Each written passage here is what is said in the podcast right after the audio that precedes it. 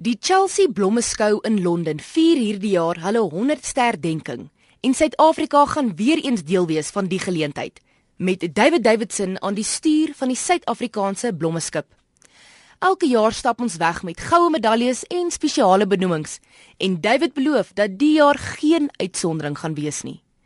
Ek gesels met hom oor die geleentheid en die ongelooflike flora wat hulle daar gaan uitstal. David met die ongelooflike reputasie wat julle het by hierdie Chelsea Blommeskou. Vertel my 'n bietjie meer van julle tema hierdie jaar en die blomme en die flora wat julle gaan oorvat Londen toe. Ja, die die tema van jaar was eintlik van selfspreekend, maar daar was egter 'n groot uitdaging wat daar agter gesteek het, maar ons vier natuurlik Kirstenbosse 100ste verjaarsdag van jaar. So dit is 'n baie spesiale jaar en dit val toevallig saam met die 100ste verjaarsdag van die uh, Chelsea Blommeskou wat ook in 1913 gestig is. So dit is vir ons baie spesiaal.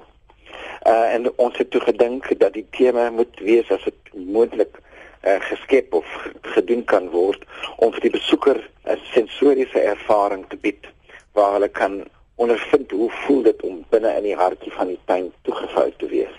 So ons uitstalling het mure om dit hy sê toe met 'n pad die middeldeer loop vlak. So mense moet almal deur die uitstalling loop. Aan die buitekant is dit uh, oorgetrek met pragtige groot beelde van die tuin, oud en nuut met 'n bietjie van die ontstaansgeskiedenis daarbey. En dan aan die binnekant het ons aan die een kant 'n uh, 'n herskepping van die del waar die pragtige klein baadjie is, die Colonel Bird se bad. En daar is natuurlik al die boomvarings en agter dit in die natuurlike amfitheater is die bootboom amfitheater en dit was die eerste ontwikkeling in die tuin toe gestig is. So ons wil dit herskep en dan aan die ander kant uh, daai pragtige skyline van die die ikoniese berg van Tafelberg en Devil's Peak en natuurlik Castle Rock binne in die tuin uh, met die proteetuin aan die aan die voet van die berghange. So dit is wat ons um, aan die vooruitsig het. Ons ons kan dit reg laat geskied. Vertel my 'n bietjie meer oor hoe julle die die keuse van van julle blomme en julle plante in Swaan selekteer. OK, die die keuse van die plante word eintlik deur die natuur bepaal in 'n groot mate. Ek sê altyd, jy weet, ons woon nou die ehm um, die, die belangrikste lente blommeskou ter wêreld by. Maar vir ons is natuurlik nou nie lente nie, dis laat herfs en winter wat aankom. So dis nie ons beste tyd van die jaar vir vir ons eie om ons eie blomme pragtig te vertoon nie. Maar gelukkig is die fynbos een van die plantgroepe wat hoofsaaklik deur die wintermaande blom. So ons maak groot staat op die proteas en die heide en so. Maar verder gaan ons hierdie keer ook van die plante gebruik wat geplant is in die del. So dit sluit in boomvarings aan heel wat uh, broodbome en dan vir die kleure is daar al die skadu-lewende plante soos clivias, boslelies, tektrensis, varklelies natuurlik en jy weet baie ervarings. Ek moet ook net noem dat die uitstalling 'n uh, 'n skycloth of 'n lap plafon oor dit het. En op die plafon, dit is op 'n materiaal gedruk wat die lig deurlaat, maar dit skuil daarom gelukkig daai lelike dak van die markies tent waarin ons uh, uitstal. En die loof van die bos wat so omvou, jy weet oor jou as 'n mens daar in die in die stroompie is, sal op die lap gedruk wees. So mense kan regtig voel dat jy onder in die woud staan. Gelukkig is twee van die bekendste boomvarings uh, wat daar in die tuin staan, is eksotiese boomvarings wat geplant is in 1914 voordat die beleid uh, ontstaan het dat daar slegs inheemse plante in die tuin geplant kan word. En boomvarings is 'n ding wat baie uh, moeilik is om te vervoer en ek twyfel baie sterk of ons die goed in in 'n goeie toestand aan die kant sal ontvang. So ons gaan die Nieu-Seelandse um, boomvarings in Engeland kry om die daai gevoel te gee van boomvaring woud. En uh, verder neem ons alles wat in blom is wat ons moontlik uh, in die hande kan kry saam met ons. In my maand gaan duisende eg Suid-Afrikaanse flora hulle pad oor internasionale waters vind na die Chelsea Blommeskou in Londen waar Suid-Afrika weer gaan pronk met ons ongelooflike blomme. David Davidson gesels meer oor die bedreigde fynbos en die prosesse om al die flora in Londen te kry. Ek wil 'n bietjie vassteek daarso jy het gepraat vroeër gepraat van die protea. Nou wanneer ons dink aan fynbos, is dit maar die eerste en die populairste ding wat ten vore kom is die protea. Watse ander belangrike fynbos is daar waarvan ons moet kennis neem? Ja, jy weet die, die fynbos is eintlik 'n uh, plantgemeenskap. So dit bestaan uit verskillende elemente waarvan die bekendste waarskynlik die proteas is. En dit sluit verskillende soorte in. Dis nie net die proteas nie, maar dis ook die spellekussings natuurlik in die tolbosse en daar's 'n paar ander klein soorte ook soos die blushing bride, ceruria, almal proteas. En dan is die tweede grootste komponent of mees belangrike komponent is die heide of die erikas En dan 'n derde baie belangrike komponent is die restius of uh, dekriet of bisies. Dit is uh, hulle is almal komponent van die plantfamilie. En dan hier en daar as ons dit in die ander kan kry is 'n uh, etlike uh, Jy het nog gepraat ook spesifiek van 'n spesifieke fynbos vir as jy dit in die hande kan kry.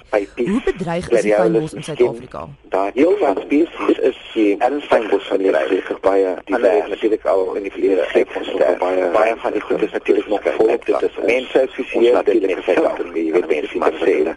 maar dit word alles natuurlik bedreig deur die bekende faktore soos ehm um, ontwikkeling, uh, stroping in die veld ontwikkeling veral landbouuitbreiding en deesdae ook natuurlik die die baie belangrike faktore van klimaatsverandering wat plante ook versteur. So ja, nee, maar ons ons neem nie graag bedreigde plantsoorte saam as voorbeelde nie want daar's baie rompsom daaraan geheg ja. met met die insumeer.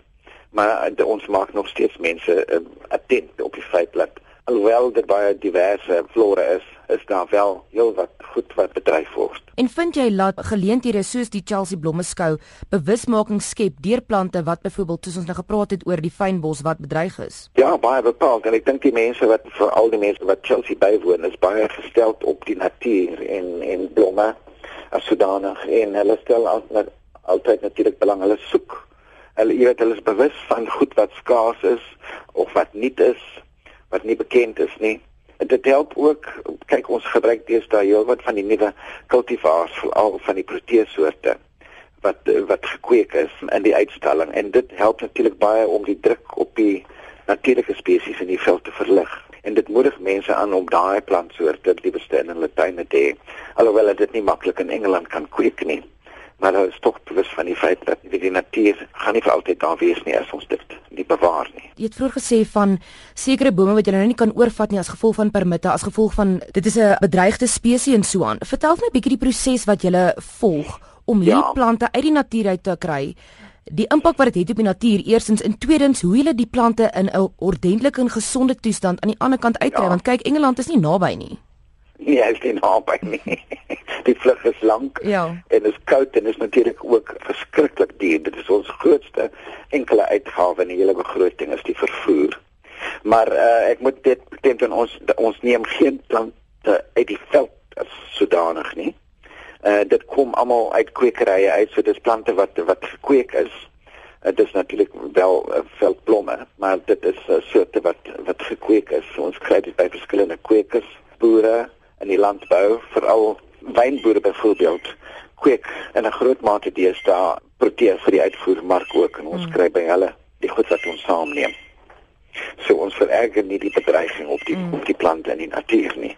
En wanneer die plante nou daar aankom, watse impak het die klimaatsverandering op die flora? Ja, dit is uh vir ons baie gelukkig eintlik dat die proteas veral is 'n blomsoort wat baie lank hou nadat hy gesny is want jy weet die goed word oral oor die land versamel en dit wat beteken dat daai plante eintlik daai blomme liewerste eintlik miskien self 'n week voordat hulle vertrek na Engeland reeds gepluk is en geoes is. En dan word dit in, in 'n koelkamer gehou um, en um, oorgestuur. Ons sit dit natuurlik in water en hou dit aan die gang. Maar baie van die ander uitstallers daar gebruik natuurlik lewendige plante. Dit is vir ons een groot nadeel van ons deelname dat ons nie lewendige plante mag oorneem nie. So alles wat ons neem al lyk dit soos 'n veldtoneel is eintlik uh, geskep met snyblomme.